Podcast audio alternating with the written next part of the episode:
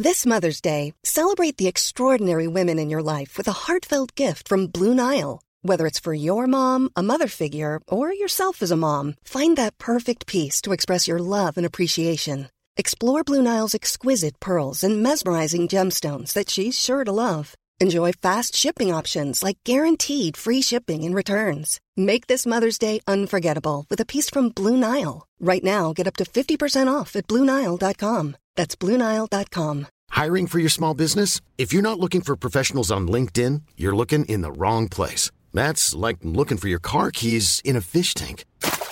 LinkedIn helps you hire professionals you can't find anywhere else, even those who aren't actively searching for a new job but might be open to the perfect role. In a given month, over 70% of LinkedIn users don't even visit other leading job sites. So start looking in the right place. With LinkedIn, you can hire professionals like a professional. Post your free job on linkedin.com slash people today. Hey, it's Paige DeSorbo from Giggly Squad. High quality fashion without the price tag. Say hello to Quince. I'm snagging high-end essentials like cozy cashmere sweaters, sleek leather jackets, fine jewelry, and so much more. With Quince being 50 to 80% less than similar brands. And they partner with factories that prioritize safe, ethical, and responsible manufacturing. I love that. Luxury quality within reach. Go to quince.com slash style to get free shipping and 365-day returns on your next order. quince.com slash style.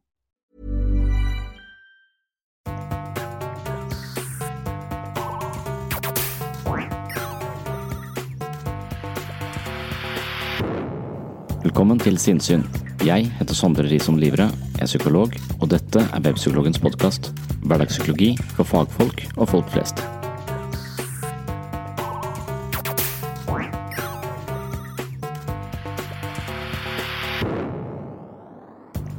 Dette er andre delen av arrangementet i Tvedestrand, som hadde overskriften 'Kunsten å leve et meningsfullt liv'. Det er et spennende tema, men lyden på opptaket ble dessverre forferdelig dårlig. Jeg har fått hjelp til å reparere lyden så godt det lar seg gjøre, og legger ut andre del, selv om lyden langt ifra er optimal. I denne delen diskuterer vi meningen med livet fra flere perspektiver. Det er også et tema jeg har skrevet mye om i boken som heter Psykologens journal. Før vi tar turen tilbake til Tvedestrand, vil jeg lese litt fra tidligere tanker jeg har hatt om meningsfulle livsprosjekter. Deler av den teksten inngår også i Psykologens journal. Dersom du syns at denne typen refleksjoner er spennende, håper jeg at du klikker deg inn på webpsykologen.no for å skaffe deg boka. Når det er sagt, så ønsker jeg bare velkommen til en ny episode av Sinnsyn. Velkommen til et arrangement i regi av Human-Etisk Forbund, og du er herved invitert til å finne meningen med livet i løpet av den neste timen. Får du til det på bakgrunn av dette, så blir jeg mektig imponert, og krever faktisk at du gir podkasten fem stjerner i iTunes. What's the meaning of life? Meaning of life? There isn't a meaning of life. Or if there is, don't worry about it. You're here now, aren't you? Get on with it. You don't get animals going about, do you? Insects worrying about why they're here. They're here. They get on with the job. You get a mayfly. It's only here half a day. You know that? They're not going around. They don't. They don't waste, waste that half hour going. Oh, why, why am I here? They do their little job and then they die. That's me heading. In fact, I know why I'm here. Yeah, I'll give you a proper answer to that question. I'll tell you why I'm here. Because when I was a little sperm, I won the race to the egg. That's why I'm here. That's how it works. That's how life's about. That's how it works. I was a little sperm. I won the race to the egg. You know, that was the last thing I won as well. Imagine that. Highlight of my whole existence as being a blob of spunk. Carl Pilkington har eh, vunnet én eneste gang i hele sitt liv, og det var når han kom først til egget. Deretter har han ikke oppnådd noe særlig, ifølge ham selv. Dette er fra en scene i serien som heter Derek, en fantastisk serie fra Ricky Garvey. Carl er vaktmester i serien, og han ligner seg selv. Kronisk negativ, skeptisk og oppgitt. Han finner ikke mye tilfredsstillelse i jobben som vaktmester, men han har ikke troa på at noe annet ville vært så mye bedre. Mange mennesker finner imidlertid mye motivasjon og livskraft i karriere. De starter ut med en god visjon og store målsetninger. De skal tjene mye penger, leve et godt liv, høste respekt og bli økonomisk uavhengige. Noen får det til, og hva skjer da? De starter gjerne et nytt firma for å gjenta suksessen. De tjener nok penger til å forsørge både seg selv og familien i en årrekke, men likevel holder de et høyt arbeidstempo. Kanskje burde de brukt mer tid på hobby, familie og venner, eller andre ting som ligger deres hjerte nær, men de klarer sjelden å stanse pengespillet som driver dem videre. Den eksistensielle psykoterapeuten Irvin Yalom påpeker at disse menneskene kan være fanget i livsprosjekter som egentlig ikke gjør så mye mer enn å drive livet fremover. Det virker som om de er redde for å hvile eller stoppe opp. Kanskje er de redde for kjedsomhet, og hver gang de bremser litt opp, må de haste videre for å unngå følelsen av kjedsomhet eller kanskje en gnagende følelse av meningsløshet. Muligens er karriere et livsprosjekt som nettopp gir livet mening for mange mennesker. Ingen kan egentlig påberope seg noen sannheter om meningen med livet. Det er et subjektivt og individuelt anliggende. Men det virker likevel som om de fleste mennesker fra tid til annen møter følelsen av meningsløshet, og da kan det hende at de prosjektene som ga oss mening, ikke var gode nok. I terapi er det sjelden en god idé å forfølge mening med klientens liv eksplisitt. Mening er på sett og vis noe som blekner når vi setter et for sterkt fokus på det. Isteden er livsmening noe man bør følge på en implisitt måte. Et meningsfullt livsprosjekt dukker opp når mennesker klarer å anstrenge seg på en selvforglemmende måte. Det dukker opp når vi kan synke ned i et eh, engasjement som transcenderer selve. Det vil si at det overgår en selv og er rettet mot noe som er større, eksempelvis eh, kjærlighet for en sak eller en kreativ prosess. Noen finner også en tiltrett meningsfylde i Gud. I boken Religion og psykiatri refererer jeg Lom til Buddha i denne sammenhengen. Når man har mistet meningen med livet, er det ikke alltid så lett å finne tilbake, men det er mulig. For en pårørende eller en terapeut kan det være nærliggende å lete etter mening for våre venn eller for uh, vår pasient, men det er sjelden en god løsning. Skal vi tro på Yalom, er det uklokt å lete etter mening på en direkte måte. Han nevner at Buddha har lært oss at den eksplisitte søken etter mening ikke er oppbyggelig. Det beste er å senke seg ned i livets elv og la spørsmålet drive vekk. Mening er noe livet får når vi engasjerer oss i noe på en uhindret måte. Hvis vi fokuserer for mye på det, kan det hende vi mister det. Dersom terapeuten foreslår retninger i klientens liv som kan virke betydningsfulle, risikerer man å gjøre klienten en stor urett. Det eneste botemiddel mot meningsløshet er evnen til å ta ansvar for sitt eget liv og skape mening på egen hånd. Terapeuten må fremme dette hos klienten, men ikke overta styringen med gode forslag. I terapi er gode råd ofte antiterapeutisk dersom klienten sliter med eksistensielle dilemmaer. Terapeuten kan hjelpe klienten til å fjerne hindringer eller oppdage negative ideer som begrenser klientens utfoldelse, men ikke tre nye livsperspektiver eller livsprosjekter ned over hodet på vedkommende. Dette er en slags hovedregel i dynamisk psykoterapi. Det er også det man mener når man eh, innenfor psykisk helse sier at eh, det er klienten som må gjøre jobben. Men man kan også tenke seg at klienten i en viss periode trenger en retningsgivende samtalepartner. Kanskje møter vi mennesker som har mistet oversikten over sitt eget liv som følge av altfor mange valg, kriser, usikkerhet. Ja, det er mange måter mennesker kan havne i kaos på. Da kan det hende at eh, tydelighet og en viss dirigering er terapeutisk riktig. En psykoterapeut må kjenne til dette terrenget og vite når klienten skal utfordres i forhold til eget ansvar, og når klienten trenger støtte og retningslinjer. Her er det muligens en vesentlig forskjell på en psykoterapeut og en sjelesørger. En religiøs veileder kan peke på en iboende mening med livet som er installert av Gud, og Jesus forkynner at han er veien, sannheten og livet. Her finnes håp, retning og en meningsfull overbygning på tilværelsen, og den serveres på et sølvfat. Dette kan selvfølgelig være oppløftende, selv om trøsten kommer med visse betingelser, men i forhold til psykoterapi kan det minne om en slags eh, eksistensiell snarvei, en litt for enkel løsning på et vanskelig problem. Når våre eksistensielle grunnvilkår er for overveldende, kobler det psykiske forsvaret inn og fortrenger eller demper erkjennelser og følelser vi ikke makter. Det betyr videre at vi bruker ganske mye mental energi på å holde sinnets ubehagelige bevegelser i sjakk, og det skaper på sikt psykiske spenninger som ofte gir seg utslag i kroppslige plager, angst, depresjon eller andre symptomer. I flere av de anerkjente psykoterapeutiske metodene regner man med at behandling innebærer å styrke pasientens evne til å konfrontere de vanskelige følelsene på en åpen og direkte måte. Det vil si at man ikke benekter dem, bortforklarer dem, legger dem i fanget på Gud eller snur ryggen til når store spørsmål flekker tenner. Ateisten tror ikke at mening er noe som faller ned i hodet på oss. Han tror heller ikke at mening er noe som er innebygd i livet som sådan. Mening er noe vi selv må investere i våre små og store livsprosjekter. De som er gode til å skape mening i livet, lever mer tilfredsstillende enn de som ikke finner noen mening med livet, venter på at meningen skal åpenbare seg av seg selv, eller som forventer at andre skal bringe mening inn i tilværelsen. Mange mennesker ser til religion når det er snakk om meningen med livet. På sett og vis er det Guds eksistens og et liv etter døden som gir livet sin dybde og betydning. Ateister mener at dette er en illusjon. De peker på at det finnes mange religioner med ulike guder. Hver religion påstår at de har sannheten og den eneste riktige guden, noe som impliserer at langt de fleste tar feil.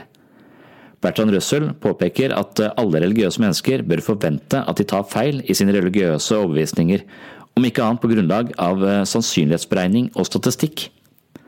For en ateist er religion skapt av mennesker for å unngå ubehaget ved de eksistensielle grunnvilkårene ved livet, død og meningsløshet. Jalom peker på at eh, grunnen til at religion finnes overalt, er derfor at eksistensiell angst finnes overalt. Mennesker skaper guddommelige fortellinger for å lindre frykt. På tross av ateistens innvendinger er religion en viktig og meningsfull bærebjelke i mange menneskers liv. I klinisk praksis ser man også at troen på det guddommelige kan dempe mye angst og gi mennesker en tiltrengt avstand til temaer som død, meningsløshet og ensomhet.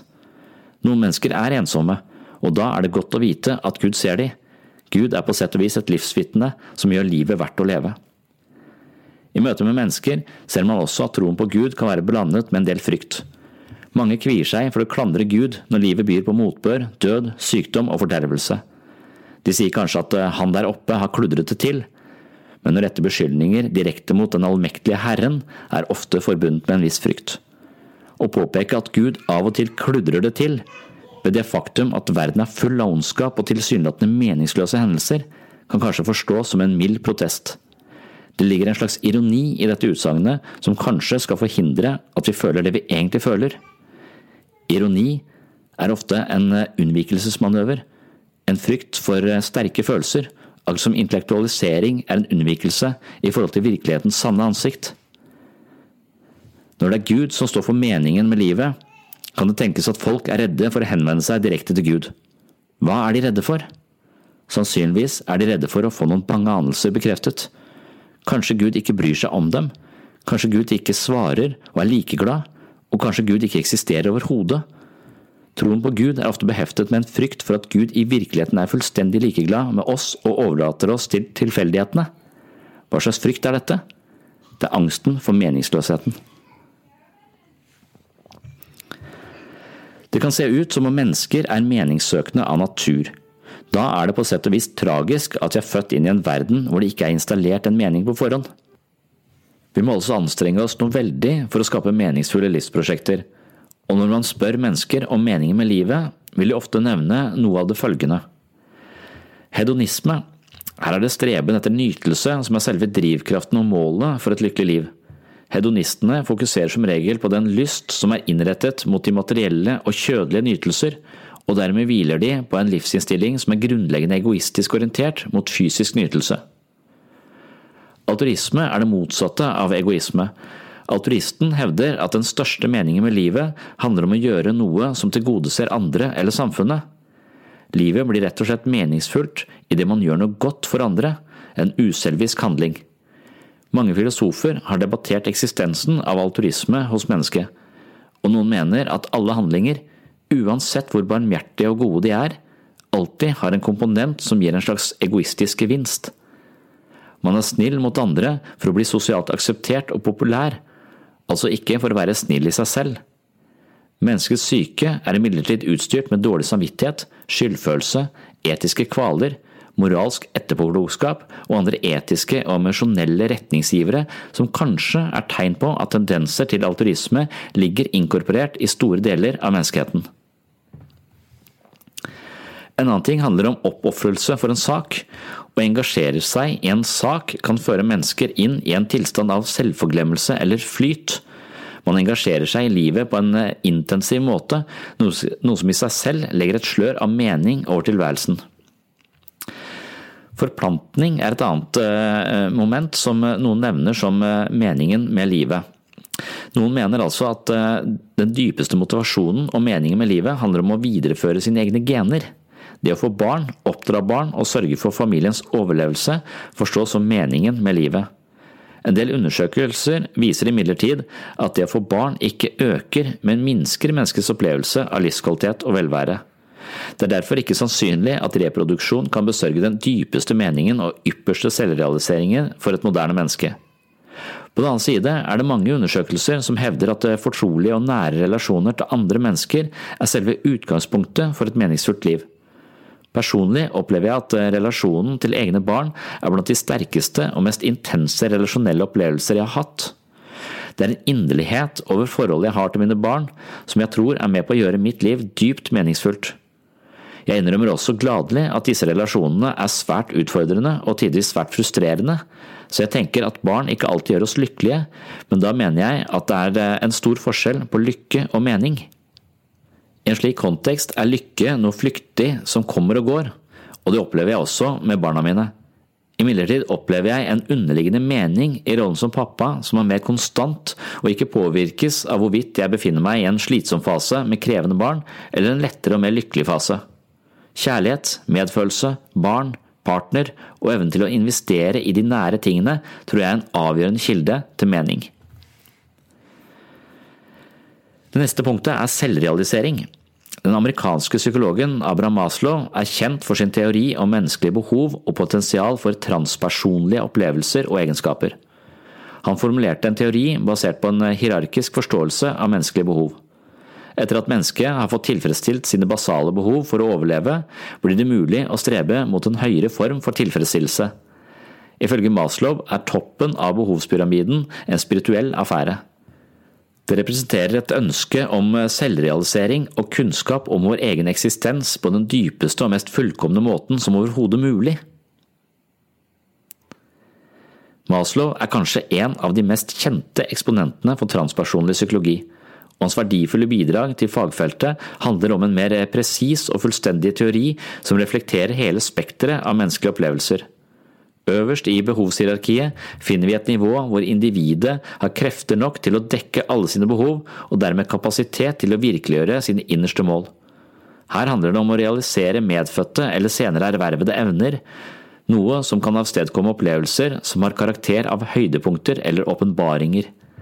Samtidig må man si at et eh, bevissthetskonsept hvor stadig nye og mer raffinerte nivåer er potensielt sett tilgjengelige, i seg selv er veldig meningsfullt, og det kan saktens berike og motivere menneskelige selvutviklingsprosjekter innenfor mange forskjellige skoler.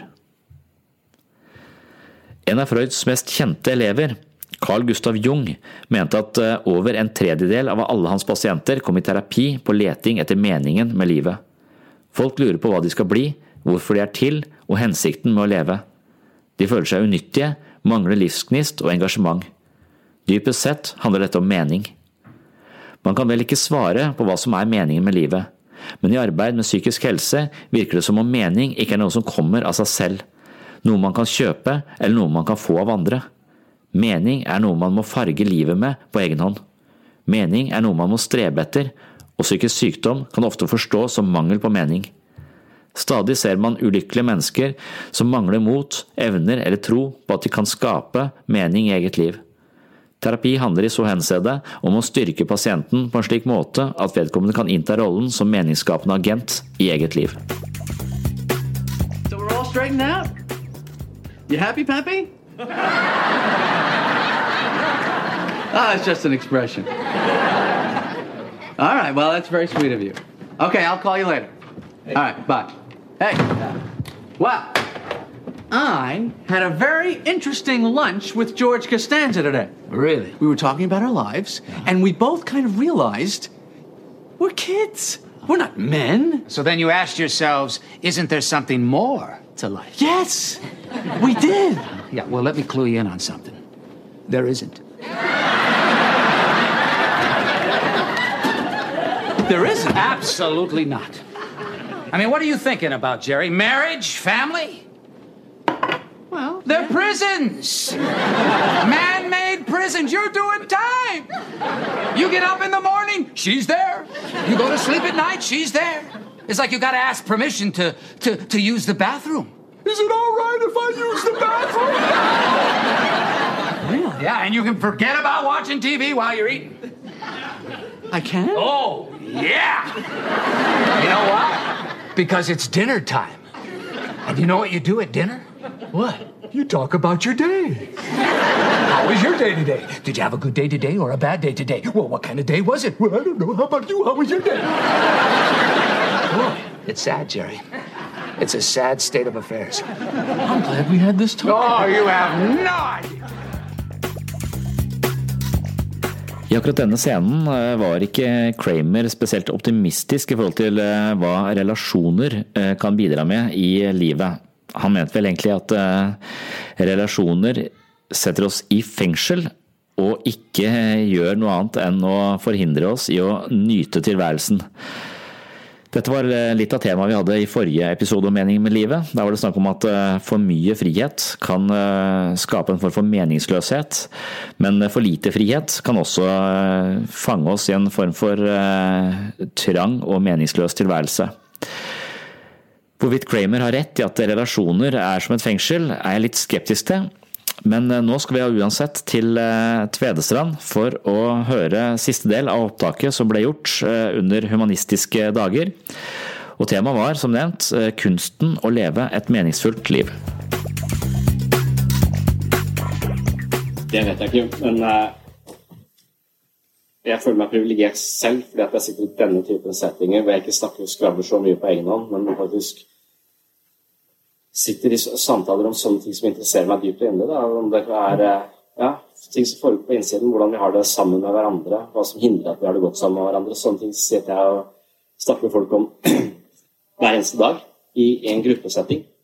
Og, og, da får jeg så mange perspektiver som, eh, som, jeg trenger for mitt eget liv. Jeg får så mange innspill og måter å se ting på som, eh, som, som, som jeg føler gjør en forskjell.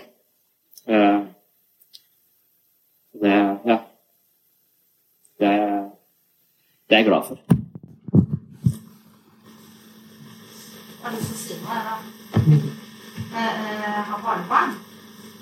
Og da er det jo havna jeg veldig fort i veldig snill farmor. Og spør barnevernet, som nå etter et halvt, da, hva slags is vil du ha i butikken? Og den er veldig sant? Eh, og det var nesten så ikke det ble noe is. Og, så, det var veldig apart. Altså, og det var jo litt den der uh, Ofte foreldre òg gjør, som jeg legger merke til nå etterpå mange av i andre sammenhenger. De spør hva vil du uh, at faren skal lese for deg, bestefar lese for deg? Altså, jeg har opplevd sånne ting. Jeg har mange barn besøk om sommeren, barnebarn. Totalt nå seks barnebarn. Og da kjente jeg på en måte at dette er ikke greit. Det var noen år siden da. Jeg hadde bonusbarnebarn og barnebarn og alt som. Fordi det endte med at det var farmor som leste og en halv time fordi barna var fem. Og så kjente jeg det var jo noen som bestemte over meg. Andre. Og, og barnet Det er klart det var koselig å ha med i senga i to og en halv time. Det var jo hyggelig, det. Men og at noen slapp følte jeg at Og Da måtte jeg ta det over med foreldrene. Dere spør ikke barnet, dere spør ned og ned vil lese for dem, og så må dere si det som skal lese. Og det har lært mye av når jeg har det aleine, For da kveld skal jeg lese for dere, eller hvem skal lese for dere. Jeg for om det var regler og rammer som jeg tror kanskje mye av dem har i veldig mange sammenhenger.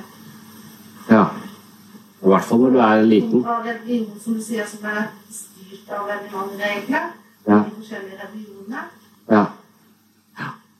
Men det må jo være det ellers også. Ja, jeg tror det. Jeg tror Ja.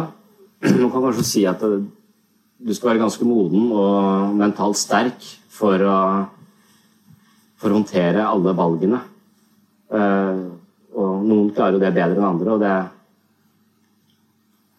De har kanskje Ja, de er kanskje mentalt sterkere.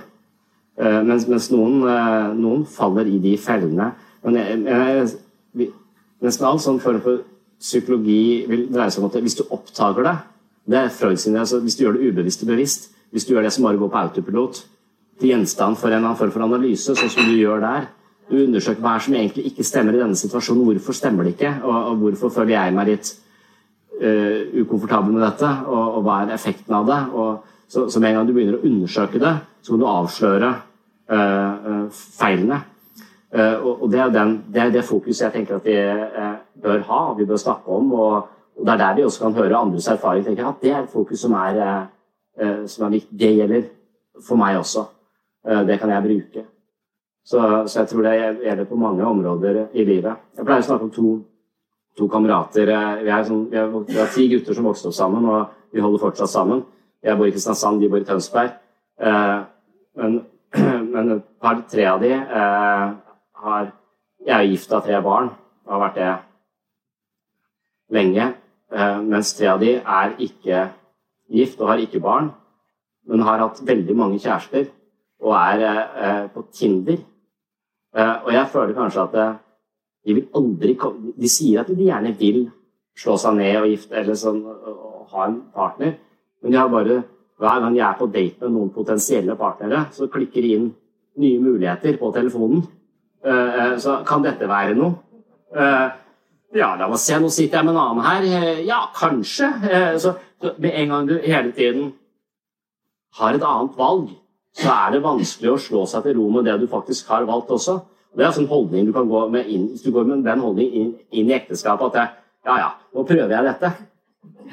Eh, og det er litt sånn der, det sier de kristne meg, sier at ja, det er derfor vi har gjort ekteskapet hellig, og det er derfor vi på en måte legger disse stramme føringene på at dette er liksom i gode og onde dager, og, og, og virkelig eh, gi dette en form for tyngde. da. Og Det kan være en sånn slags psykologisk klokhet i det, fordi at det, hvis vi går inn i det med den holdningen om at det, vi får se hvordan det går, og så, så er det ikke så vanskelig, det går ikke så lang tid før du sitter på et utested og tenker at hun der var kanskje litt penere enn hun jeg har hjemme, eller hun var jo kanskje litt mer eh, eh, spenstig. Eller, liksom, det, jo, eh, det skal ikke så mye til. da.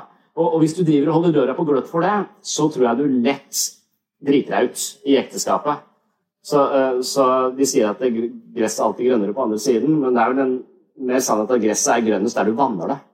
Eh, så, så hvis du da eh, tenker at når jeg har valgt, så har jeg valgt. Og det er også et sånt tips, da, sånn selvhjelpstips fra Barry Swatch, som har skrevet The Paradise of Choice. Han sier at gjør valgene dine uforanderlige. Liksom ikke, ikke tenk at du skal forandre det valget.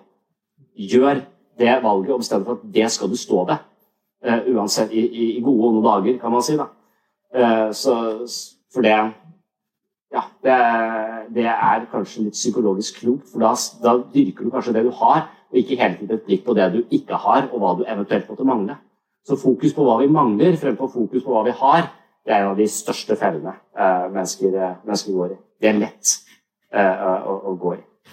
Nå tenker jeg jo igjen på det der med, med barn i dag. Altså, vi har så mye valgmuligheter. Eh, og begynner tidlig med alle de valgmulighetene, og det skal vi fortsette med. Mm. Eh, De kommer til å bli helt forstyrra. Ja.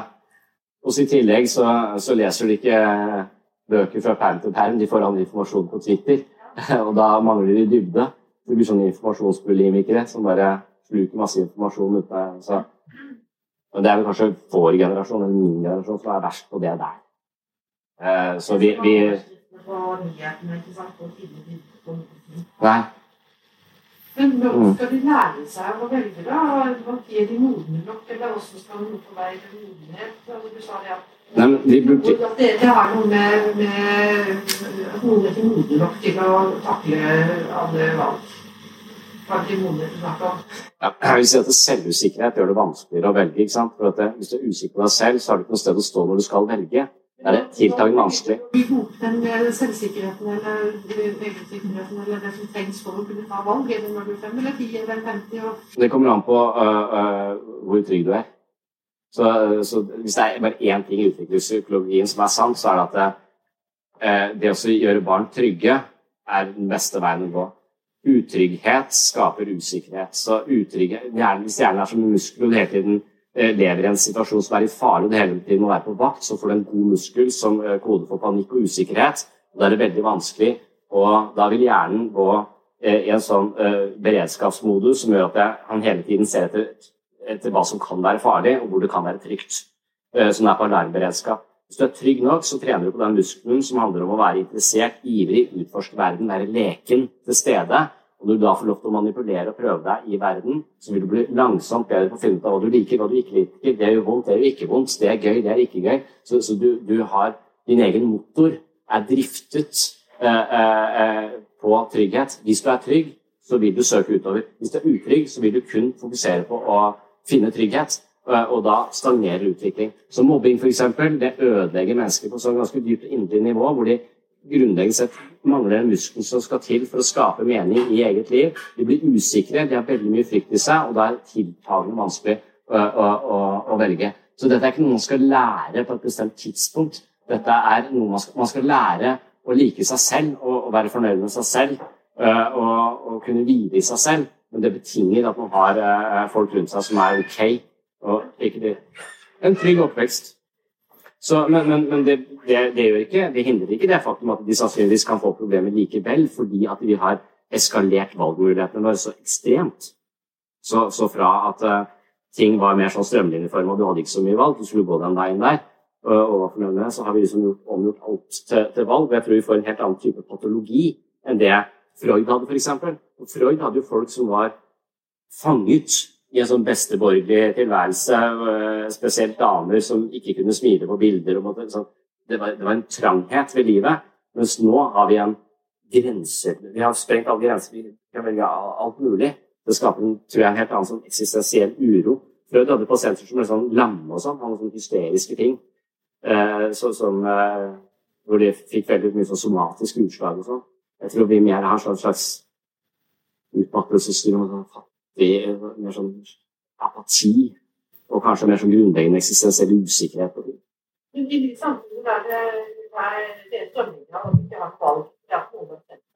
Ja, jeg tror det er mye bedre å bo i Nord-Korea. De noen som har bestemt, har de et bedre liv. De som bestemmer ting skal være. Ja, ja hvordan akkurat de Sånn som i Nord-Korea så spiller jeg mye PlayStation, er det ikke det? Med Dennis Rodman og sånn. Så han er sikkert greit. Men, eh, eh, men, men eh, det er kanskje derfor det ikke går an å bare velte en diktator og si at vær så god, nå har vi tatt vekk han der tyrannen på toppen her. Nå kan dere bare få lov til å bestemme selv. Det funker ikke noe særlig bra.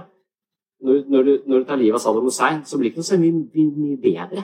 Det blir snarere mye verre. ikke sant? Han er dau. Så det vet vi ikke. Det er et av livets store spørsmål. Hvordan det er å være på toppen. Altså, ja, de vi snakker om nå, er jo psykopater, så, så de har jo ikke den De mangler jo et eller annet. Som, som, så man kan tenke at det å være psykopat I et samfunn så er det ca. 1 psykopater. Eh, for det kan et samfunn bære. Og det lønner seg å være psykopat på en måte, for at du kan bare gjøre som du vil og drite i konsekvensene. Og det er jo en litt sånn hedonistisk grei måte å, leve på, hvis du ikke har noe samvittighet og sånn som plager deg. Så da kan du leve sånn, men hvis for mange begynner å leve sånn, så går det til helvete med hele, hele samfunnet. Så, da, og da vil samfunnet ta de. Eh, men eh, 1 kan klare å sno seg, som regel. Så det er det, det nivået vi, vi ligger på. Men noen av de eh, som ikke har noen samvittighet og veldig spisse albuer og, og er selvgode, de blir jo tilsynelatende presidenter og sånn.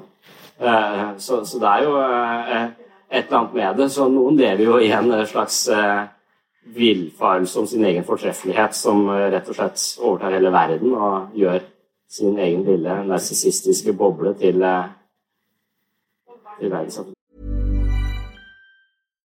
If you're looking for plump lips that last, you need to know about Juvederm lip fillers. With Juvederm Volbella XC and Juvederm Ultra XC, your lip look, whether it's subtle or bold, can last up to one full year with optimal treatment and no additional maintenance. Find a licensed specialist and see if it's right for you at juvederm.com today. That's J U V E D E R M.com. Add fullness to lips in adults over 21 with Juvederm Volbella XC or Juvederm Ultra XC. Do not use if you have severe allergies or a history of severe allergic reactions, or if you're allergic to lidocaine or the proteins used in Juvederm. Tell your doctor if you have a history of scarring or taking medicines that decrease the body's immune response or that can prolong bleeding. Common side effects include injection site redness, swelling, pain, tenderness, firmness, lumps, bumps, bruising, discoloration, or itching. As with all fillers, there's a rare risk of unintentional injection into a blood vessel, which can cause vision abnormalities, blindness, stroke, temporary scabs, or scarring. For full important safety information, visit juvederm.com. When you're ready to pop the question, the last thing you want to do is second guess the ring. At Bluenile.com, you can design a one of a kind ring with the ease and convenience of shopping online. Choose your diamond and setting. When you find the one, you'll get it delivered right to your door. Go to Bluenile.com and use promo code LISTEN to get $50 off your purchase of $500 or more. That's code LISTEN at Bluenile.com for $50 off your purchase. Bluenile.com code LISTEN.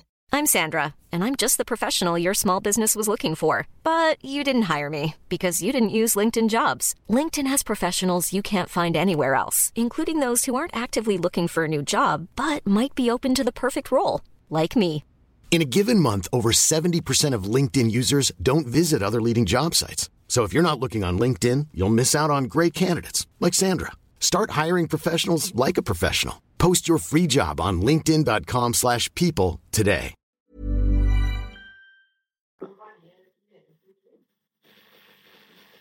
Uh, nei, jeg mistenker at det er eh, det motsatte av et uh, meningsfullt liv. Jeg, jeg føler de uh, konkurrerer og karrer til seg. Jeg tror at, uh, jeg tror at gode relasjoner er det eneste som vitenskap eller forskning eller denne studien fra Harvard som har fulgt folk i 75 år og spurt underveis i livet hva, hva gir livet mening, hva gjør det hva er det beste i ditt liv? Og da tenker man kanskje at det var penger eller god karriere osv., men hver gang du spør de rett inn, de må svare umiddelbart, i 75 år, så er det gode relasjoner eh, til andre, andre, mennesker.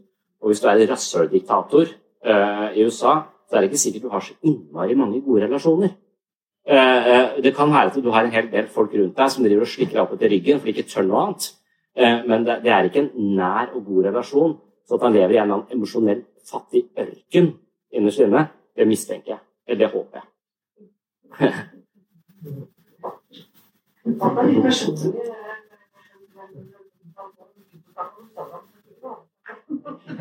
Nei, nå snakker jeg ikke om Saddam. Men hadde en bedre relasjon med Sovjet enn det du har nå? Er vi et andre samfunn i dag enn før? At det mer angst og mer Det kan hende. Altså en, en, av de bøkene som jeg har sagt mye om, som har gjort mest inntrykk på den siste, er en bok av en som heter David Disteno. Uh, som egentlig heter 'Emotional Suksess'. Og jeg driver og leser alle sånne bøker som har sånne titler. Uh, uh, men han er en sosialpsykolog som har forsket veldig mye på, på dette her. Han sier at veien til, til å lykkes i livet går via takknemlighet og medfølelse. Og rent sånn evolusjonært sett Eh, og dette setter han inn i en sånn ja, evolusjonspsykologisk kontekst. Så sier han at eh, det å på en måte forsake egne behov i dag for at morgendagen skal bli litt bedre, det var noe vi på et eller annet tidspunkt innså at var lurt. Så, så det som gjør oss til mennesker, er ofte at vi kan hemme umiddelbare impulser. Vi kan hemme, og vi kan utsette umiddelbar behovstilfredsstillelse for å nå langsiktige mål. Og noen, sånn som Jordan Peterson, mener at det, det er Gud. Gud er bare en slags inkarnert Denne ideen, denne innsikten vi fikk på et eller annet tidspunkt Mennesket fikk en slags bevissthet og innsikt i at det å eh, ofre noe i dag, det kan gjøre morgendagen bedre. Og Gud er egentlig bare da et ansikt på den dommen vi får for det vi har gjort i dag, som kommer til å vise seg lenger framme. Så Gud er bare denne dommeren på hvor mye vi klarer å, uh, å ofre for å bygge et, noe bedre på sikt. da. Og denne evnen til å ofre noe for å bygge noe bedre på sikt, den er sosialt betinga. Og det å ofre egne behov til fordel for fellesskapet er det som har sørget for vår overlevelse. Så evolusjonært sett så er det i kraft av vår relasjon til andre mennesker og vår medfølelse for de, disse andre menneskene som gjør at vi overlever som rase. Det er derfor vi også ofrer egne behov for, for fellesskapets ve og vel. Da. Og for å lykkes i livet ditt, så, så vil du La oss si du skal begynne å trene, da. Og det er nyttårsforsettet ditt. Så vil du som regel ryke i midten av februar eller et annet. Hvis du bare gjør det for din egen del. Hvis du er del av en gruppe eller et prosjekt eller du, du så jeg snakket senest med folk i dag som ville prøve å slutte å drikke, jeg som ville prøve å slutte å røyke osv. Og, og de klarer alltid fem uker, og så ryker de. Men de er totalt isolerte. Disse menneskene har ingen relasjoner. Det er derfor de er i gruppeterapi. De skal trene på å gi andre mennesker en betydning for seg, og tørre å ha en betydning for andre mennesker. For idet de kan delta i et fellesskap, så vil de sannsynligvis lykkes med å slutte å drikke eller slutte å røyke, eller hva det skal være. Det er tydelig at de som har disse avhengighetene, eller de som setter seg disse målene, og gjør det bare i kraft av viljestyrke Viljestyrke er et svakt grunnlag for å skape, uh, skape forandring.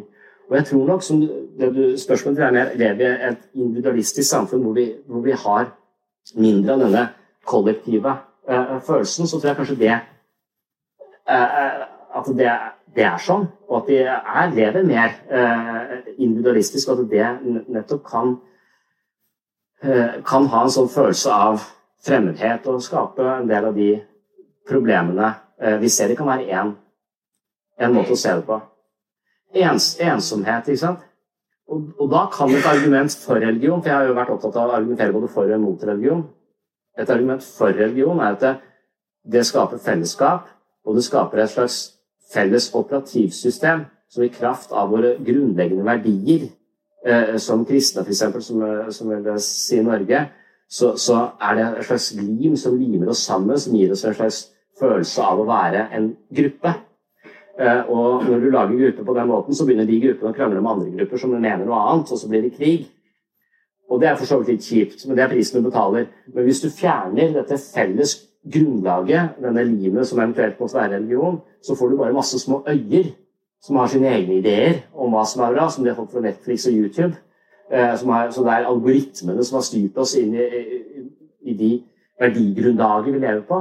Og da er det vanskeligere kanskje å møtes og da vil kanskje samfunnet ødelegges fra innsiden, på en måte. Vi, vi får en helt annen type problematikk enn når vi kriger mot de som mener noe annet enn oss, som gruppe.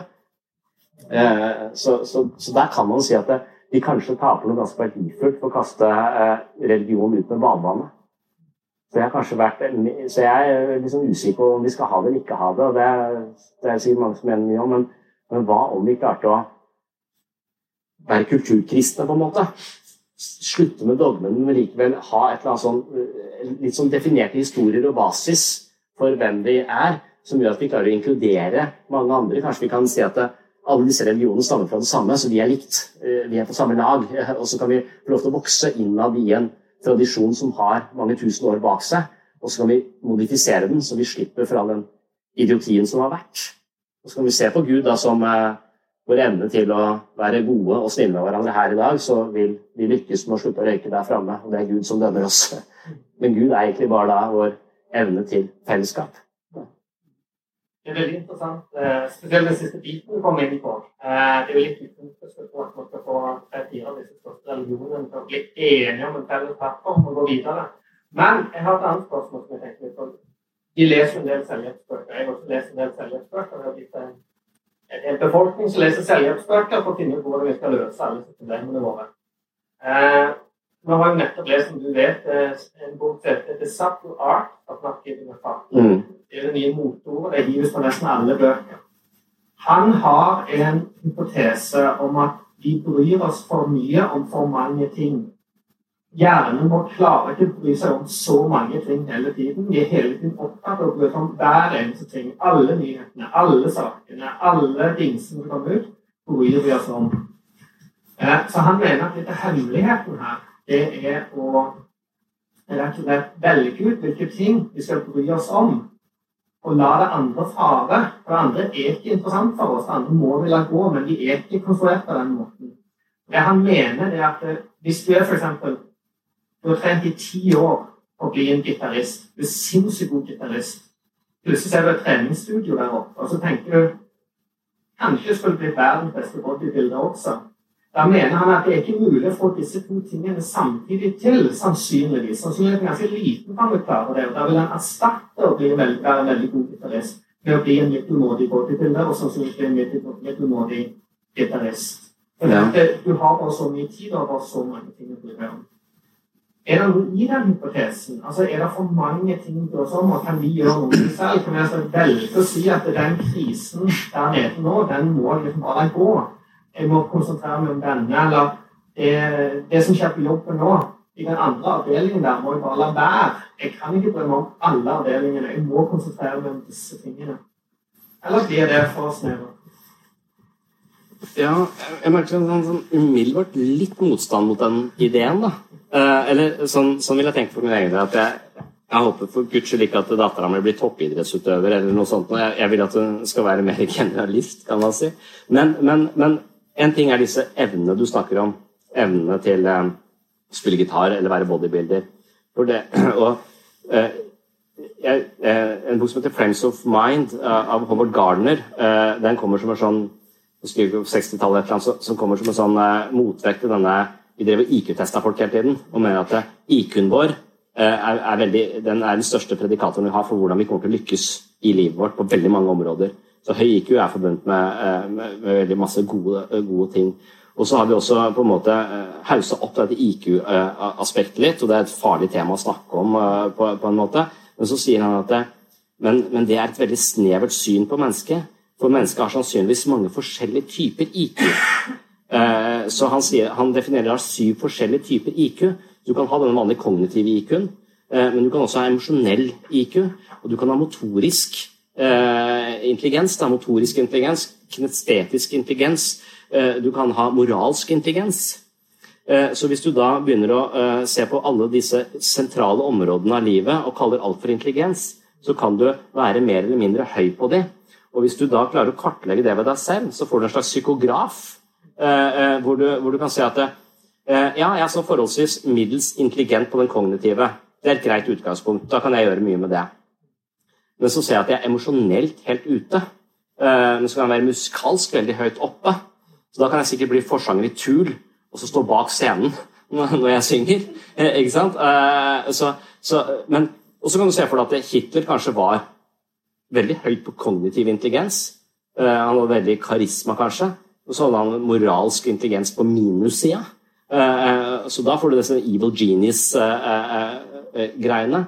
Eh, så jeg tenker, Hvis du har en psykograf foran deg, så vil jeg tenke at hmm, det er på, For min egen del så har jeg tenkt altså, ja, det jeg bør tilstrebe i mitt liv, det er å vie mer oppmerksomhet til relasjonene mine, og mindre oppmerksomhet til å sitte alene på kontoret og skrive eller tenke, eller hva det er som egentlig jeg trekkes imot. da. Jeg trekkes mot garasjen, jeg trekkes mot øl, jeg trekkes mot å spille biljard aleine. Jeg trekkes mot en del sånne ting som, som jeg sannsynligvis burde heller stimulere min sosiale intelligens. Så at, altså at jeg da vil, jeg vil heller ha en god balanse i disse tingene. Eh, men, men, når det gjelder da, sånn som f.eks. musikalsk intelligens, så, så, for å bli skikkelig god, så må du perfeksjonere den. Og Det er kanskje det beste utgangspunktet hvis du er liksom halvgod på alle de andre også. Hvis du da er helt ute på noen av de andre, så bør du kanskje prioritere litt om. Det kan godt være det er noe, er noe i det, men du skal, du skal, vise at du har en litt grei baseline. da. Uh, jeg tror, uh, Hvis jeg oversetter til en annet aspekt av livet, der, så er det jo relasjoner.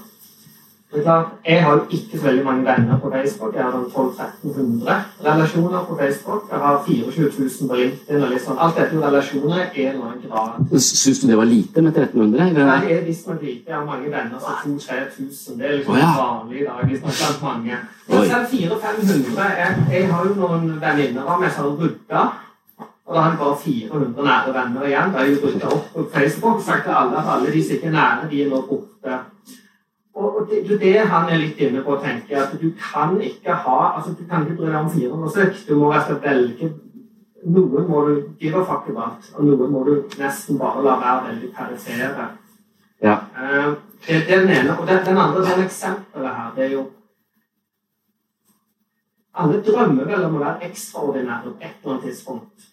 Alle har stått der og sett på en konsert og tenkt at det er meg som skal stå der oppe om noen år. sant? Og spilt luftgitar og sunget med og tenkt at nå er Michael Jackson. ikke sant? Det, Mm. Vi blir fora dette. Vi skal være litt ekstraordinære. Vi skal gjøre litt ekstra. Men da må du gi opp noe. Jeg tror tanken er at du må gi opp noe hele tiden. Ja. Dette her, hvis du skal bry deg om noe Hvis du, velger, hvis du bare har kapasitet til å bry deg om så mange ting Ja. livet hiver på oss med nye ting hele tiden som jeg kan bry meg om. Ja. Jeg leser aviser, så ser jeg oi, en mobiltelefon. Jeg skal iPhone. Mm. Så ser jeg Huawei, det er jo bra. Samsung, det er jo bra. Det er jo bra. det er jo bra. Jeg får flere ting å forholde meg til som tar av tiden min i forhold til andre ting jeg skal bry meg om. Ja, og det, det tror jeg er veldig Så, så, så det, er, det er jeg helt enig i. Jeg tror vi blir overfladiske av alt dette. så Det er derfor jeg tenker at diktanalyse er lurt. Det er lurt å dvele ved ett dikt dritlenge. For, for, og, det studiet jeg gikk også, det var bygd opp på den måten at vi måtte lese et visst pensum, men de hadde minimert det pensumet. Og så skulle du finne ut av hva i dette pensumet syns du er mest interessant, og skulle selv velge litteratur og dykke ned der sånn.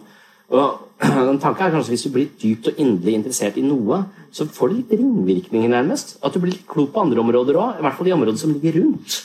Eller at du klarer også å se eh, så, så i hvert fall sånn når det gjelder utdannelse og sånn, at det kanskje å, å spesialisere seg, og at det har en, eh, en god verdi som også får ringvirkninger.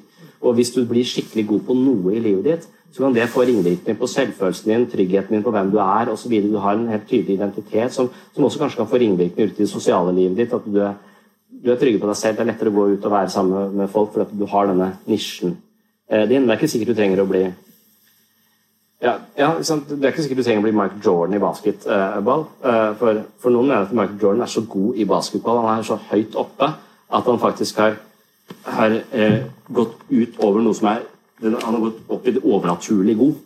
Så han kan, han kan rett og slett nei, Han kan fly litt. Eh, han kan trosse tyngdekraften eh, når han dunker. så at du kan komme opp på sånne helt himmelske nivåer. Eh, og at det er noe veldig tilfredsstillende med det, sannsynligvis. Eh, så, men, men det er ikke sikkert vi skal de voldsomme målene. Men det kan godt være at eh, jeg tror at vi skal kanskje konsentrere oss litt, men kanskje konsentrere oss på det riktige Eller Ja. Hva tenker du om de unge som har flytta fokusen og sitter sammen og har liksom relasjoner og energi med hverandre, mens de sitter mest på nettet og kommuniserer? Og de sliter både med psyken og alt sammen. De er ensomme, men de har mange venner på nett. De kan bo i uh, samme blokk, og de er alene, de går i klasse sammen, men de møtes ikke fysisk, men de møtes på, på nett. Tenker du om den utviklingen som er der? Ja. Jeg er ikke sånn helt ferdig tenkt om den. det høres jo ikke så veldig attraktivt ut. Eh, og det Det skjer noe der når vi medieres av dette, dette nettet. Eh, det er litt lettere for at de ekstremvariantene selv dukker opp også. Og så er det dette med denne synligheten. Jeg tror I kinesisk filosofi så er det å sammenligne seg med andre en, slags, en av menneskelighets demoner, eller hva de kaller det. Eh, en sånn type ja, Det blir sett på som en demon å sammenligne seg med andre. Det er også nevnt i den Blair Svarts-boka. Altså du har mennesker som driver med upward comparisons og downward comparisons. Noen mennesker sammenligner seg hele tiden med andre mennesker som er høyere enn dem selv, og føler seg da dårlige. Mens noen mennesker driver og sammenligner seg med folk som er dårligere og føler seg bra. Bestemoren min drev med det hver hun følte seg litt nedstemt, så satte hun på nyhetene. Og så tenkte jeg her har jeg det dritbra her oppe i leiligheten min. Så, mye, så, så da du kan jo ha den, eh, den effekten. Men det at alle blir så synlige, at alle viser seg fram på denne, eh, på denne måten, og blir en sånn oppmerksomhetsøkonomi som hele tiden handler, så vil jeg kalle det et, sånn, et sånn ganske destruktivt objektspill. Et, et spill, spill som handler om hele tiden å få oppmerksomhet eh, og, og, og bli sett. Og, og så vil du da hele tiden finne ut av hva som funker og hva som ikke funker. Så du kan jo på en måte konstruere og rekonstruere deg selv hele tiden eh, på et område som ikke egentlig er deg. Og sånn psykologisk sett så, så tenker jeg at man sånn, forhold til Jung så sier han at vi har en skygge og en persona. Eh, og, og vi har et sånn på en måte med kjerneselv. Altså, jeg har en jeg har en person som er meg eh, innerst inne, og så har jeg en sosial eh, versjon av meg som jeg viser utad. Hvis den sosiale versjonen av meg som jeg viser utad, er veldig langt fra den personen jeg egentlig føler at jeg er, så blir enhver sosial situasjon et skuespill og anstrengende og slitsom. Så veldig mange av de menneskene jeg møter som sier det av sosial angst osv., der er det poeng å putte disse, disse to sidene av dem litt tettere sammen, sånn at du kan være mer i pakt med deg selv i møte med andre. Så jeg kan tenke meg at de beste menneskene er mer eller mindre gjennomsiktige. Du skal aldri være helt 100 Du skal ikke være du skal ikke, Alle skal se alle sidene dine, men idet de klarer å overlappe litt, så blir det mye lettere å være, å, å være sosial. Men det å finne ut av Det å komme til den posisjonen hvor du er såpass moden at du liksom hviler deg selv, tør å være sårbar, tør å være åpen på en sånn måte at du kan senke skuldrene i sosiale sammenhenger, ikke hele tiden føler du må være noe annet for å tilfredsstille de kravene som er. Eh, så, eh, det er en modningsprosess, tror jeg, og en mental øvelse som, kost, som er ganske vanskelig, en vanskelig reise da, å bli, bli, trygg som menneske.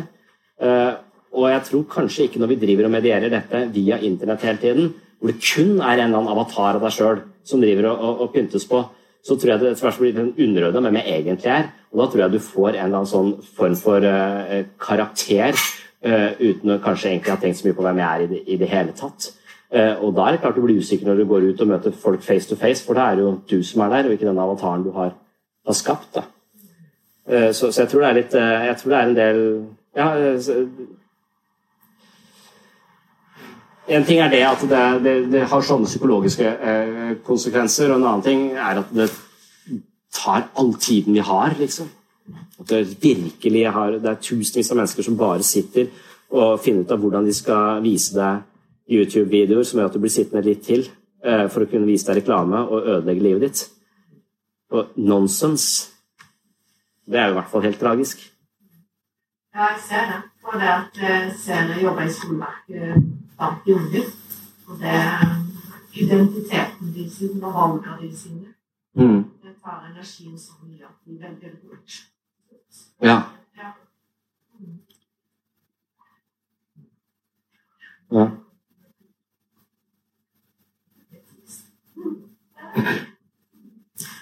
Uh, du snakka i stad om det der felles regler for religion og sånne ting.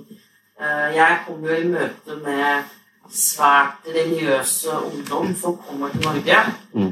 Eh, og de er eh, De tror jo på islam. De tror på Eritreerne de er jo ortodoks kristne. De er veldig der. Og når, de, når jeg skal forsvare da at jeg Nei, jeg tror ikke på noe så må jeg i samme setning fortelle Men det betyr ikke at jeg ikke vil være et godt menneske. For det er nesten som de sammenligner at hvis du ikke tror på noe, at da er ikke du noe bra menneske. Jeg skal ikke stjele, jeg skal ikke lyve, jeg skal være snill med andre. Alle de eh, gode tingene dere jobber for, det jobber jeg også for. Det, det, må jeg forklare ganske mye. Men de er jo helt i sjokk. De kommer jo og viser meg sitatet. Se, er det sant? Han finnes. Se her, det står her. Ja. Så vi skjønner De husker jo at jeg bare skal komme til helvete. De er redd for meg, vet du. Ja, ja. Og det er jo en slags sympatisk eh, holdning å ha overfor deg òg, det. da. Altså prøve å Ja. Så, så, jeg har en Selv om det er irriterende med Jehovas vitner, så har jeg en forståelse for at de kommer og banker på. Hvis jeg hadde vært 100 sikker på at jeg hadde rett, så hadde jeg kanskje gjort det samme. Jeg føler det er den eneste moralsk riktig å gjøre. Så, men eh, ja. Det, poenget mitt er at eh, jeg syns det er viktig at uh, man skal også snakke om det, da. At vi har en, en moral, alle mennesker på jord. Altså, du må ikke tro på noe. Ja. Det skal være moralsk nok, at det er etisk nok. At vi, vi er jo opptatt av sånne ting, vi også. Ja. Liksom. Det ja. snakker vi kanskje litt lite om. At uh, fordi at du mm. er god i kirken, da, så betyr det at du gir helt faen i alt, liksom.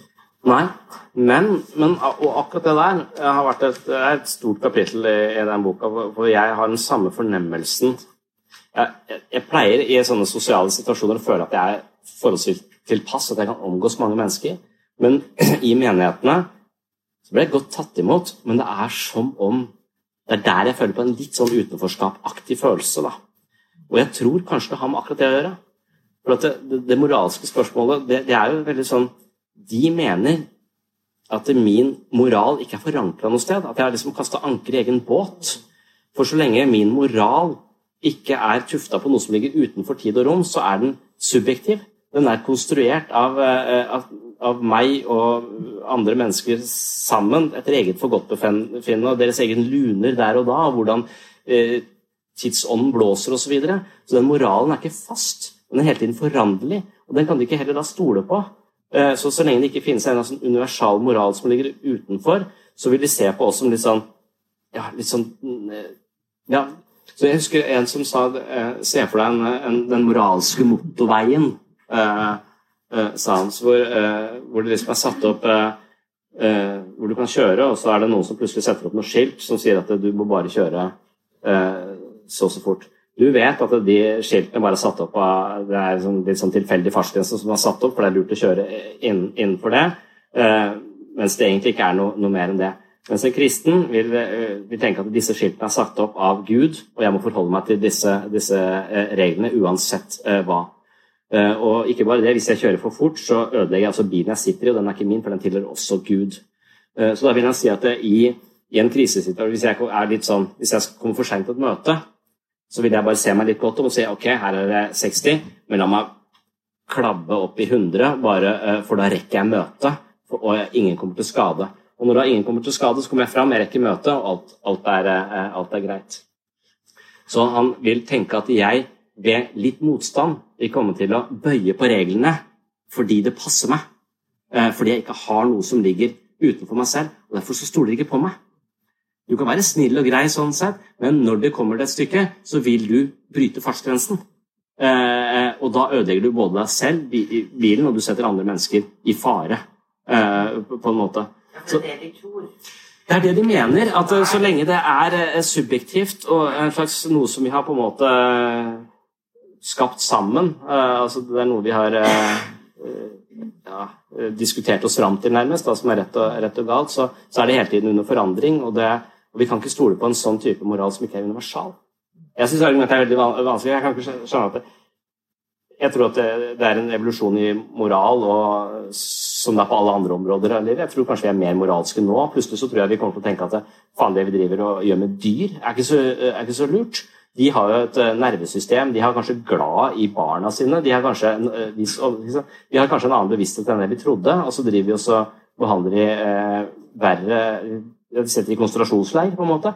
Og det vil være kanskje vår som skamplett, eh, som jeg tror jeg hører på verdibørsen, er stadig mer snakk om hvordan vi behandler dyr. Ja, så Men jeg tenker det som er forskjellen her, er konsekvensene for en religiøs bestand går ut på de moralske veier, er jo langt større. Du skal stå på rette for noen langt mm. høyere oppe. Det som er så interessant, er den at man har gjort undersøkelser i USA for eksempel, som viser at ateister er bryter regler og lover mindre enn religiøse, selv når du tar inn befolkningsandelen. Men det, det så logikken holder ikke, men allikevel så er den der. Altså, de mener det er riktig. Men, men tilbake til det vi snakket om tidligere. for Du anklager nesten litt Human-Etisk Forbund arbeider veldig aktivt for å få et sekularisert samfunn, som da bryter opp en del av disse her eh, møteplassene og samlingsplassene osv. Og, og det er det nok et fare til så overvurderer man litt hvor mye Manns Forbund har med det å gjøre, og hvor mye utdanning osv. har med det å gjøre. Men allikevel gjerne pushe litt. Men ikke det ligger begge sider? For på den ene siden så har du Når vi hadde en sterk innslag av religion, så hadde vi gjerne 10% som hadde det fryktelig. I dag har vi 90 som fant fantastisk gode møteplasser med kaffe og vafler og det ene og det andre. Jeg har hele tiden ønska det var blant de 90 Altså, det, det høres helt fantastisk ut å komme inn der. Og jeg kjenner jo artister fra Iran som har kommet til Norge og havnet rett inn i menigheter. Det er den eneste plassen de fant til samhold. Men så er det ikke mulig å finne ut forbi. Eh, mens nå har de snudd seg om. Nå får 90 av de som er artister, de finner mening i andre plasser enn Humanitisk Forbund. Så er det 10 som går hvilende omkring og ikke vet helt hva de skal holde på med. De har ingen møteplasser, de har ingen å samles rundt. Fordi at de er gjerne litt introverte. De er gjerne ikke den Det er de som uansett ville havnet der. kan være enig at det kan være sånn at vi på mange måter ikke har kommet noe bedre ut, men vi er de var annerledes. Vi har bare snudd opp ned på det. Fra der det var 90 som levde bra i religiøse forhold, og 10% som ikke levde så veldig bra. Jeg har vært inne i Samfunnet, f.eks., og gjort det her, og det er ikke en veldig sånn, idyllisk plass å være i. Vi nå da har 90% artister som klarer å finne fram her selv, klarer å komme hit, klarer å finne fellesskap. og så 10 Men det er ikke sikkert bare artister. Nei, nei, men, men, men, For du slår på alle livssyns når du har lov til å komme. Jo, jo, jo. Ja. Nei, men at vi på en måte finner 90% klare, så har vi 10% som Hvis det er sånn, hvem har det ansvaret for de 10 Er det vi som har sekularisert dette med å sekularisere og skape møteplasser? Eller er samfunnet? Hvem har ansvar for at disse her må gjerne sitte hjemme og gå til grunne? Ja. Men, men har ikke, det, det har vi, vi snakket med, Jeg føler kanskje at tonen i Human-Etisk Forbund helt annerledes enn den kanskje var eh, for noen år siden. For, for jeg, jeg syns f.eks. når Richard Dawkins sitt prosjekt er bare å rive det ned, så er det mye det er vel mye mer konstruktivt å heller prøve å bygge opp et alternativ enn å rive det ned. For så, så lenge du skal rive noe ned, så bør du ha et alternativ. Det er litt som å styrte en diktator. Du bør ha et alternativ, som, eh, og kanskje bygge opp det litt i forkant før du driver og, driver og styrter det ned. Så, så jeg har tenkt sånn at eh, ja, jeg, jeg føler at de har gode praksiser, de har gode møteplasser osv. Og, så og skal vi skape et alternativ, så, så må vi bygge opp det samme strukturen. Vi må ha en infrastruktur, vi må ha en eh, institusjon, vi må ha noen fortellinger, vi må ha noen måter å være sammen på. Og, og jeg eh, tenker at du trenger ikke å lese Bibelen uh, for, å, for å bli klok, men du kan lese mye annen god litteratur også. Men du, du må da velge ut noen fortellinger, kanskje, som vi kan skape samhold rundt. Og, og sånn jeg ser det, så tenker jeg at eh, Nå er jo jeg psykolog, men jeg, jeg kan også se på meg eh, så, Jeg ser på meg selv som en, eh, som en idiot innimellom og tenker at det, det er dette jeg trenger å utvikle meg og forbedre livet mitt på mange områder.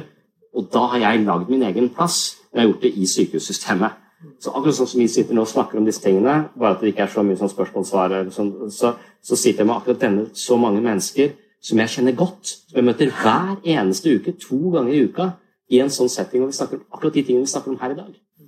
Og Det føler jeg er et alternativ. Men det er det i psykisk helsevern. Og da er spørsmålet skal alternativet til bibelgruppa være psykisk helsevern. Eh, da burde kanskje alternativet være Human-Etisk Forbund, f.eks. For, eksempel. Eh, for det er jo veldig stort i Norge. Mye mindre i Sverige. Eh, Så, eh, så, så, og da, men være litt aktiv og tenke hvordan kan vi lage sånne arenaer eh, som, hvor, hvor vi kan lage praksis rundt spørsmål om moral og etikk og hva vi bør gjøre for å leve best mulig, og hva vi bør gjøre mot hverandre for å leve, for å leve best mulig, og hvordan et sted som jeg kan være, være åpen og oppriktig. Vi, vi lager jo dette stedet her Hvordan skulle det være et. Ikke sant? Eh, Du nevnte altruisme. Eh, Altså det å det andre, gjøre det godt for andre. Ja. Eh, Jeg har en sånn biologisk tilnærming til meningen med livet, med livets utfordringer. Men vil du forklare altruisme på en annen måte enn i katolske? Det var sikkert det sans forklaringer. Altså, Ja. Det er en biologisk forklaring. eller en det Ja. at eksisterer. Ja, men da, da kommer vi tilbake til helt der det starta. For meg så er det nitrist. Jeg tror han har rett, men det er nitrist. Eh, eh, så eh, så, så det, det er akkurat som med kjærlighet. Richard Dawkins kan sikkert forklare meg eh, hva slags feromoner og nevrobiologi og genetisk overlevelsesprosjekt jeg har gående, som jeg kaller kjærlighet. Og så sier han at eh, sier 'Unweaving the rainbow', og så dette er eh, sånn, så vakkert, og naturen er vakker, osv. Men for meg så plukker den fra hverandre og ødelegger det litt. Eh, og og jeg, er jeg tror han har rett, men jeg syns ikke det er den beste måten å fortelle en historie på. Eh, eh, så, så dermed så, så, så liker jeg Da vil jeg heller lese en spenstig bibelhistorie og se om jeg finner en eller annen dybde i det. Som jeg, jeg tror for eksempel, jeg tenker litt på religion som Jeg tenker på Gamletestamentet som et kollektivt mareritt. Og så tenker jeg at drømmene vi har, betyr noe. Vi drømmer, og drømmer er en slags fortetta form på noe. Og drømmene forteller oss noe viktig. Ofte. Noen drømmer er random og helt banale, mens andre drømmer Hvorfor drømmer vi? Det er man forskning litt sånn uklar på. Men jeg tror vi drømmer. Jeg tror det er en beskjed der som kommer i en annen sånn billedlig form, fordi at det, vi, vi forholder oss mye mer til historier enn til fakta. Så du kan, du kan si 'drikk tran, det er sunt'. Men det er ikke sikkert du gjør det. Det er veldig få som drikker tran fordi at de, eh, forskning viser at det er sunt. Hvis du drømmer at du får struma og blir kvalt, så kan det være du begynner å eh, drikke, drikke tran. Så hvis du får ting servert, en form for historie eh, som treffer oss i hjertet istedenfor hodet, så tror jeg det er ganske verdifullt. Så jeg kan godt forstå Richard Dawkins og hvordan han ser på medmenneskelighet, og, og hvordan det er en del av vår overlevelse osv., og, og, og se på det rent biologisk. Men, men, og jeg tenker det er sant, men det er ikke den beste det er, Altså, vi må lage oss historier og eventyr for oss å få litt spenning i tilværelsen, eller få litt mening i det. Fordi at det eh, er en bedre måte å kommunisere det på. Det er en sånn menneskelig mulighet, når menneskene har den muligheten å lage seg noen eventyr. Det var en sånn sagt eventyr som andre dyr ikke har. Og, og det er sånn vi på en måte Det er også en del av limet mellom oss. Sånn, eh, eh, norske folkeeventyr er sånn, i en psykologisk sjargong veldig sånn åpenbar at det, hver gang du finner navnet på trollet, så eksploderer det. Eller hver gang du tar det ut i lyset, så eksploderer det. Eller ofte så er trollet bare misforstått. Så, så, ah, folk lever i frykt, men idet de tør, en annen tør å møte trollet, så, så, så løser det seg. Og ofte så, kan det virke som eh, litt sånn som vi har problemer i vårt eget liv. Det er følelser vi ikke orker å se på, følelser vi ikke har språk for osv. De blir til hjertebank, de blir til vondt i magen, de blir, til, eh, eh, ja, de blir kroppslige. Hvis vi klarer å finne en årsak, en forståelse, en innsikt i det, så vil ofte magesmertene gå fra magen til innsikt. Nei takk.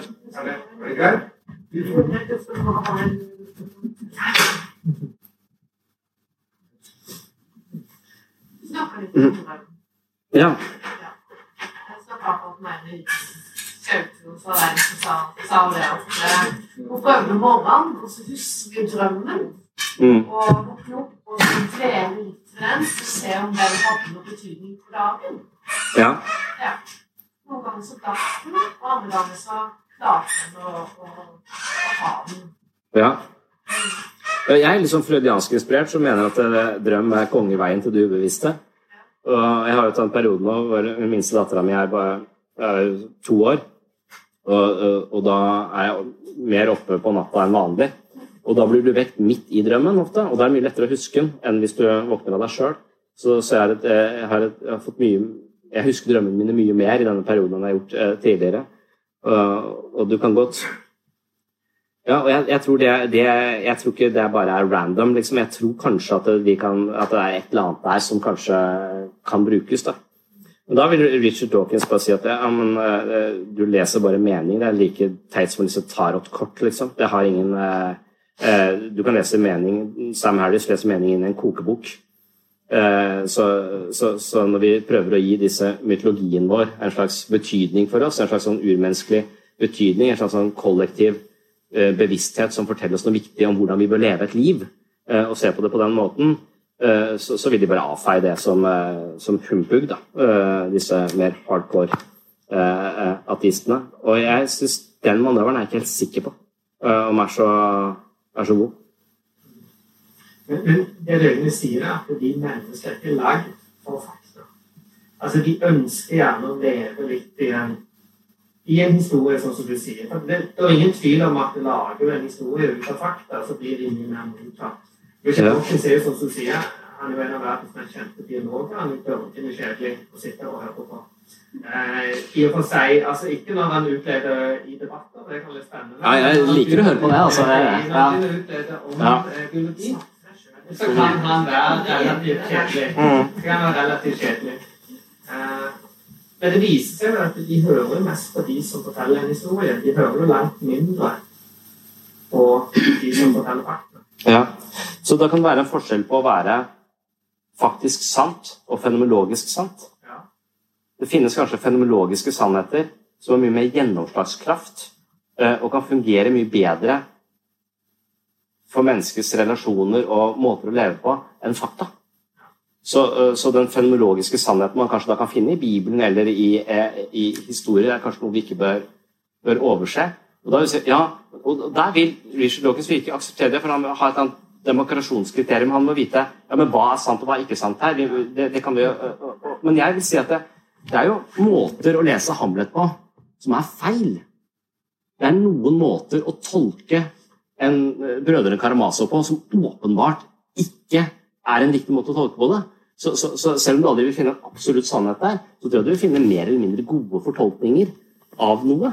Jeg, ser ikke helt problemet uh, med det. Jeg ser problemet at du finner aldri en, absolutt sannhet, men det gjør du ikke på noen områder. da. Alt forandrer seg hele tiden. Det eneste stedet vi har bevis, er i matematikk. Alt annet er bare mer eller mindre godt belegg for å tro på noe. Uh, også vitenskap. Så Nei, det er ja, hvis man er biolog, så er nok det. Men jeg satt og hørte på Wasim, han som er kardiolog og hjertelege. Wasim er etter dette nå. dette har boka 'Hjerte for hjerte'. Og han forklarte hva hjertet er for noe. Rent faktisk. Ja. Det er fryktelig kjedelig. Mm. Vi legger jo ekstremt mye av historien vår i hva hjertet er. Du har hjertet vondt og hjertet altså Det er liksom det ene og det andre. Det er historien. Når han begynner å fortelle hva hjertet er, så er det helt uinteressant. Da har du ikke lyst til å høre på lenger. Da har du lyst til å gå videre, for det er jo bare en enkel, en veldig enkel pumpe. Det er bare mm. kamera, og så er det pumpe. Det er alt det. Det er mm. ikke det vi i historien har lagt hjertet. Nei, men jeg kan liksom være enig. Du sier at det kan være interessant. Jeg kan si også, det, det er interessant på ett plan. Ja. Uh, uh, men, men, men den, den, metafor Det kan også være det kan også, altså Disse metaforene kan også ha en biologisk substrat et eller annet sted. Altså det, det er sant på mange nivåer. Så det der med at eh, medfølelse og kjærlighet Gud er kjærlighet. Størst av alt er kjærligheten. Det er, det, det, er, eh, det er, kanskje en god fortelling, men det kan også være biologisk sant. på et eller annet sted, At vår overlevelse er i kraft av at vi forplikter oss uh, til et annet menneske. Så, så, så, så, men Det spørs på hvilket nivå du legger forklaringsmodellen din.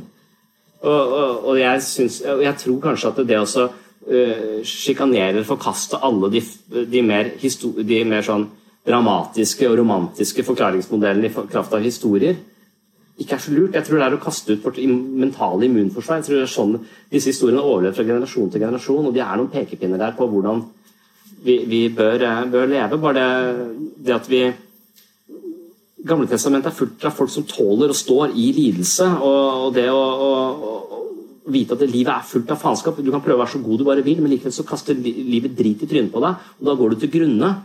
Men det er mulig å gjenoppstå etter tre dager som et nytt menneske. For at Hvis du klarer å skape orden i det kaoset som har vært i denne mørke stunden hvor du fikk kreft osv., så, videre, så vil du våkne opp som et nytt menneske. For du vil aldri være den samme som før kreften. Du vil alltid ha gjennomgått noe, og du vil ha helt andre perspektiver. Du vil være helt forandra. Sånn psykologisk sett. Det er det som er psykoterapi òg, er jo å forandre seg. ikke sant? Fra å gå én måte å se seg selv og verden på, jeg er udugelig, ingen liker meg, til å se jeg er faktisk ganske dugelig, folk liker meg. Det er, det er, en, det er en, død og en gjenoppstandelse. Eh, så kanskje, sånn som Jung mener, at Jesus bare er et bilde på selve. Eh, eh, og, og, og, historier om eh, at livet er fullt av faenskap, og det er en del av det å leve et liv. Mens vi kanskje har en forventning om at livet skal gå på skinner, og hvis noe går imot oss, er det psykisk lidelse, og vi diagnostiserer og medisinerer det i biologiens navn. Da funker det ikke like bra. Det er litt rart å tenke på når man tenker at hjernen er som en muskel, en annen muskel. At du skal bruke mer energi på å danne nye mønstre, nye tankemønstre. Det er jo en hard vei å gå, men det er jo mulighet. Ja. Det, det på rent biologisk nivå så vil man si at hvis du går i vellykka psykoterapi eller mediterer mye, så vil du ha økt aktivitet i prefrontal cortex, altså den delen som på en måte regulerer følelser og har oversikt over resten av maskineriet, og kan på en måte regulere ned følelsene når de skyter for hardt, og vurdere. Så det er den, den, delen av hjernen som er den nyeste delen av hjernen, men også den delen av hjernen som får mer aktivitet hvis vi forandrer oss, øh, hvis vi går i vellykka psykoterapi. Og Det er det vi hele tiden gjør. All psykologisk behandling handler om å skape mer aktivitet i prefrontal cortex. Uh, og, og, og, du ser også på de som har meditert lenge.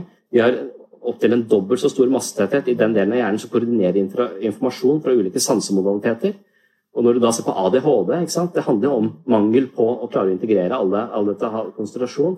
Og hvis det da er noe du kan trene opp gjennom meditasjon, så er det klart at da får vi et litt annet eh, istedenfor å gi folk narkotika, så kan vi kanskje gi dem en øvelse. Eh, og da er jo, men det er det mange som taper penger på, da. Eh, Look at you. Now, Kramer, don't start. No, no. You're wasting your life. I am not. What you call wasting, I call living. I'm living my Yeah, life. well, okay, like what? No, no, tell me. Uh, Do you have a job? No. You got money? No. Do you have a woman? No. Do you have any prospects? No. You got anything on the horizon? Uh. No. You have any action at all? No. Do you have any conceivable reason for even getting up in the morning? I like to get the daily news. Takk for at du hørte på Sinnsyn. Da håper jeg at du har funnet eh, meningen med livet. Hvis ikke du har funnet meningen med livet i løpet av disse to episodene, så er jeg usikker på om det er håp for deg. Kanskje hvis du kjøper boka mi, altså Psykologens journal, eller eh, Jeg, meg selv og selvbildet, eller Selvfølelsens psykologi fra webpsykologen.no. Det tror jeg er veldig meningsfullt. En annen ting du kan gjøre, er å si at du liker denne podkasten, hvis du liker den, til folk du kjenner. Spre det i sosiale medier, rate det i iTunes, eller på andre måter eh, informere folk om at det er mulig å høre på sinnssyn. Eh, jeg kommer tilbake i en ny episode om eh, en ukes tid, tenker jeg. På gjenhør.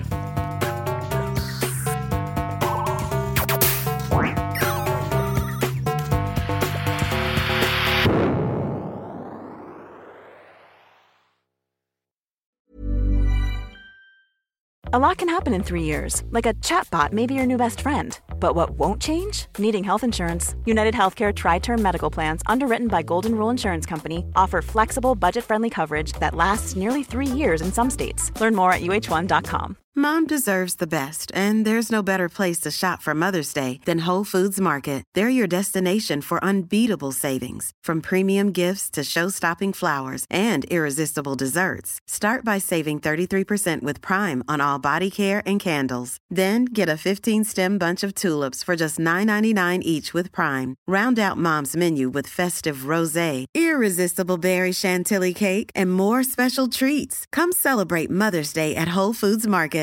Imagine the softest sheets you've ever felt. Now imagine them getting even softer over time. That's what you'll feel with Bowl and Branch's organic cotton sheets. In a recent customer survey, 96% replied that Bowl and Branch sheets get softer with every wash. Start getting your best night's sleep in these sheets that get softer and softer for years to come. Try their sheets with a 30-night guarantee. Plus, get 15% off your first order at bowlandbranch.com. Code BUTTERY. Exclusions apply. See site for details.